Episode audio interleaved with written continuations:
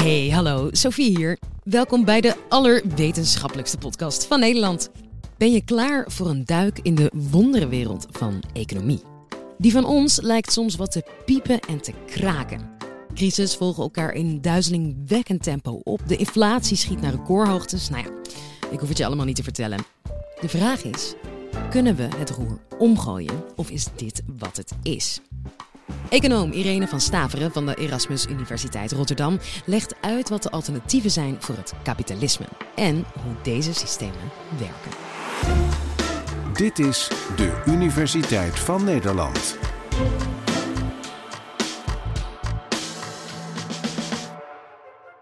De rijken worden langzaam maar zeker rijker. De planeet raakt uitgeput en de economie blijkt veel kwetsbaarder dan gedacht.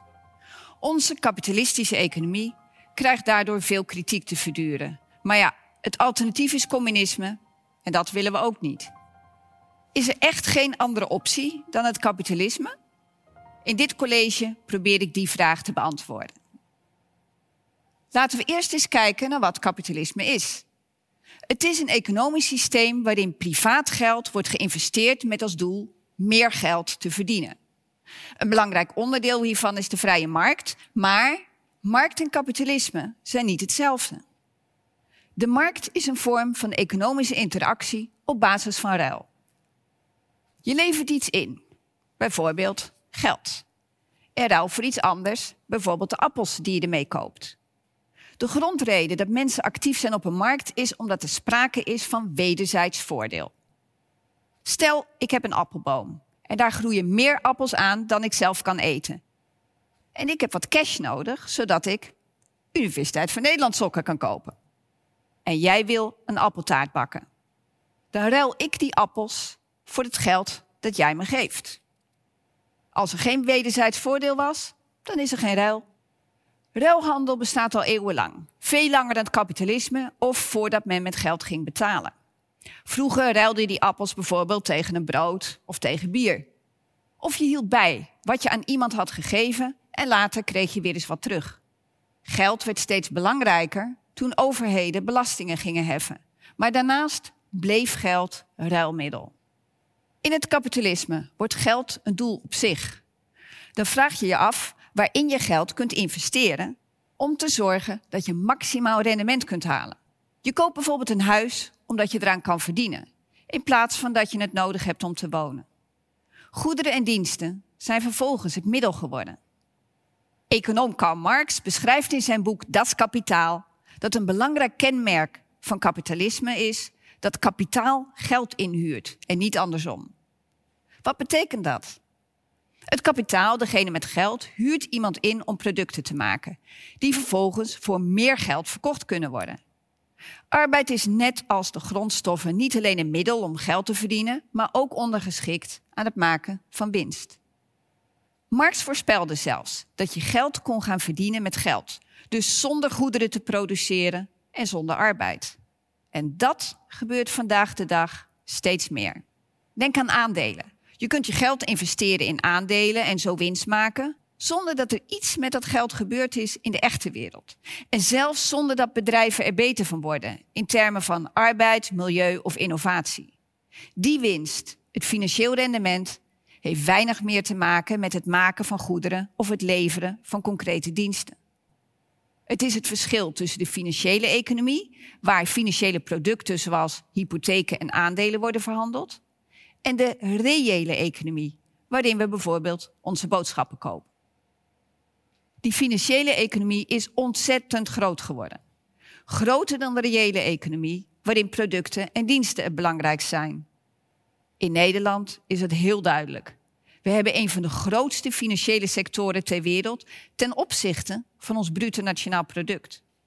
De balanswaarde van de vier grootste banken is drie keer ons bruto nationaal product.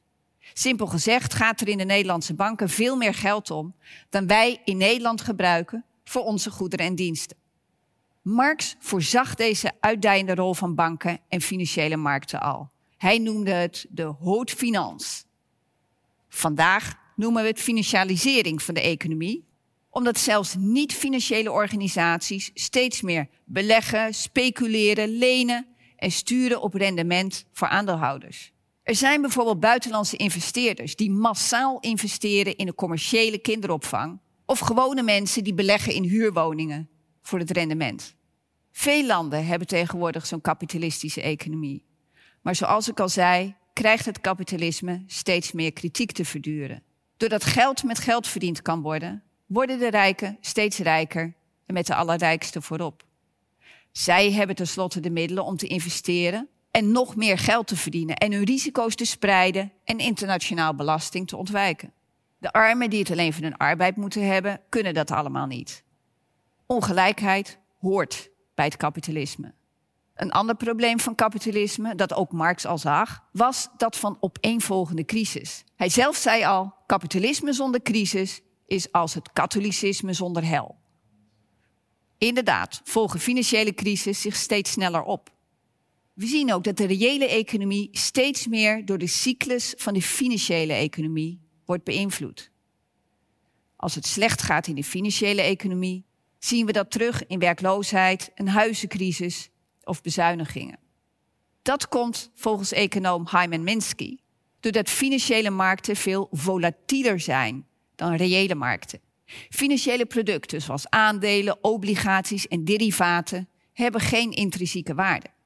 Een fiets of een brood heeft duidelijk waarde. Je weet wat je eraan hebt en de markt ervoor stort nooit zomaar in. Maar een financieel waardepapier, een asset, is een stuk abstracter. Want de waarde ligt niet in het gebruik, maar wordt bepaald door verwachtingen over toekomstige winst. Je koopt een aandeel en verwacht dat een bedrijf gaat groeien en je aandeel dus meer waard wordt. Dat is heel onzeker en gaat nog wel eens mis. En als het goed misgaat in de financiële economie, dan leidt ook de reële economie daaronder. Minsky beschrijft de instorting van de financiële markt in vier fases. In de eerste fase, ach, dan hebben investeerders gewoon geld om te kunnen investeren en dat doen ze volop. Vervolgens gaan de koersen omhoog en worden ze gretiger en gaan ze lenen. Ze beleggen met steeds hoger risico.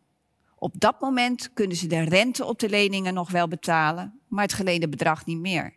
Daardoor ontstaat het risico dat de leningen niet terugbetaald worden. En daardoor neemt het wantrouwen over de assets toe en zakken de prijzen ervan. Dan kan zelfs de rente op de leningen niet meer betaald worden.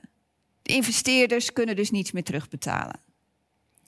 De partij waarvan de investeerders lenen, kunnen daardoor hun leningen ook niet meer betalen. En de volgende ook weer niet, enzovoort, enzovoort. Totdat je voorbij een cruciaal punt gaat, het Minsky-moment. En de financiële markt als een kaartenhuis in elkaar stort. Dat hebben we in 2008 zien gebeuren met ABN AMRO Bank en de handel in rommelhypotheken. Waardepapieren die bestaan uit een bundel met kleine stukjes van duizenden hypotheken. Door de risicospreiding van zulke derivaten leken het enorm veilige producten. Maar juist daardoor werden steeds meer hypotheken verkocht, ook aan mensen die ze zich niet konden veroorloven. En dus werden derivaten steeds risicovoller. Door het gebrek aan transparantie ervan en de gretigheid van banken om erin te handelen, werd op een gegeven moment het Minsky-moment bereikt.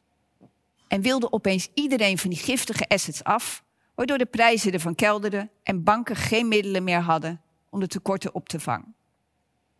Kapitalisme zoals we het nu kennen, werkt dus niet. Maar wat dan wel? Een oplossing die voor de hand ligt, is dat we de markt minder zijn gang laten gaan en dat de overheid meer ingrijpt. Laten we de appels uit het begin er weer even bij pakken.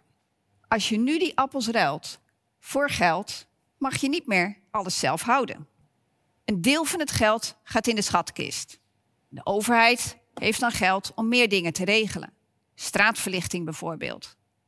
Hoe groter de rol van de overheid, hoe meer geld je moet afstaan en hoe meer er de overheid betaald wordt. Met communisme als de meest extreme vorm.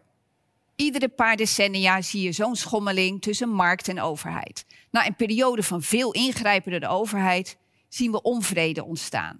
Er is minder innovatie, ondernemerschap wordt ingeperkt en we zien misbruik van overheidsmiddelen in de vorm van illegale steun in bepaalde sectoren. Op deze manier zitten we gevangen tussen kapitalisme en communisme.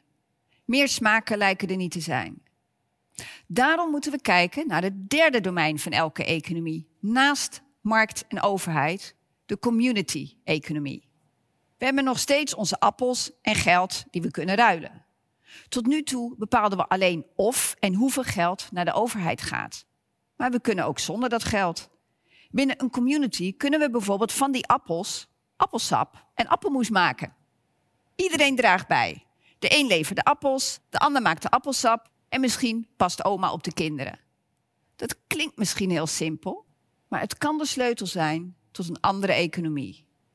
Adam Smith, de vader van de economische wetenschap, zei al dat elke goed functionerende economie bestaat uit deze drie domeinen: markt, overheid en community-economie. We hoeven dus niet een nieuwe oplossing te verzinnen, maar we kunnen kijken naar hoe commons, oftewel lokale economische samenwerkingsverbanden, een rol kunnen spelen in de behoeften van vandaag. Daarvoor moeten we terug naar de twee principes van Marx. Kapitaal huurt arbeid in en ruil draait om kapitaalgroei.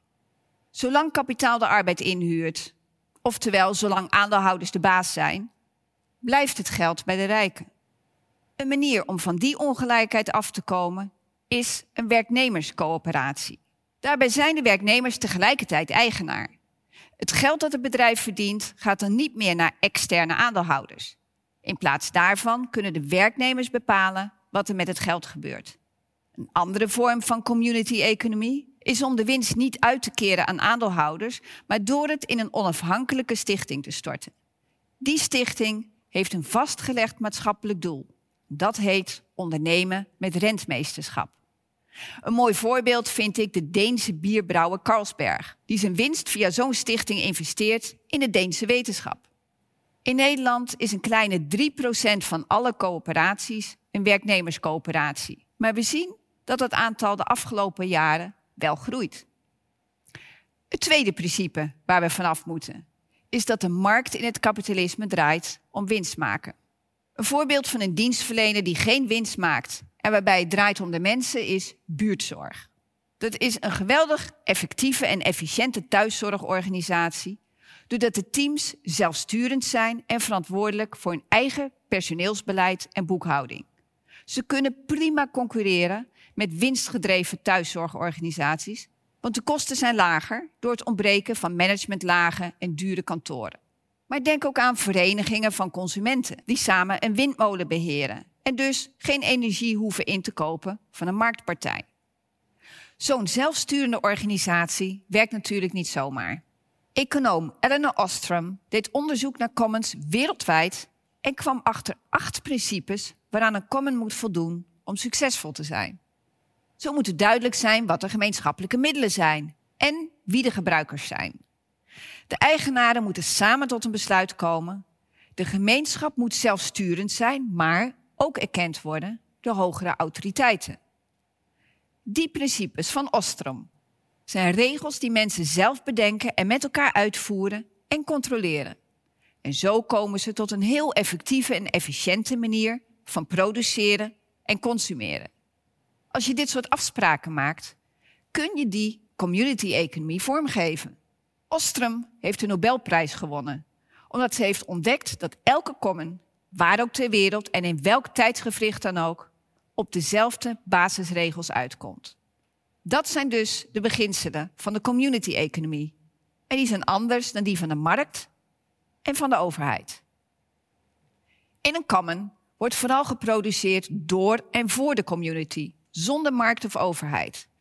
Dat werkt natuurlijk alleen op kleine schaal. Een autofabriek of een ziekenhuis kun je op deze manier niet opzetten. En op deze manier ga je ook geen wereldeconomie bouwen. Maar er zijn ook hybride vormen mogelijk. Daarvoor heb je een combinatie van markt, overheid en community-economie nodig. Maar dan wel zo dat de community de basis is en de rol van de andere twee domeinen eraan ondergeschikt is. Een mooi voorbeeld hiervan vind ik een aantal bedrijven in Argentinië. In 2001 was daar een enorme crisis, waardoor veel bedrijven over de kop gingen. Bij verschillende bedrijven zijn de werknemers blijven werken en hebben ze het bedrijf overgenomen van de kapitalisten zonder daarvoor te betalen. Hun gedachte was: we kunnen werkloos thuis zitten of toch proberen de boel draaiende te houden en accepteren dat ons loon voor bepaalde tijd wordt gehalveerd.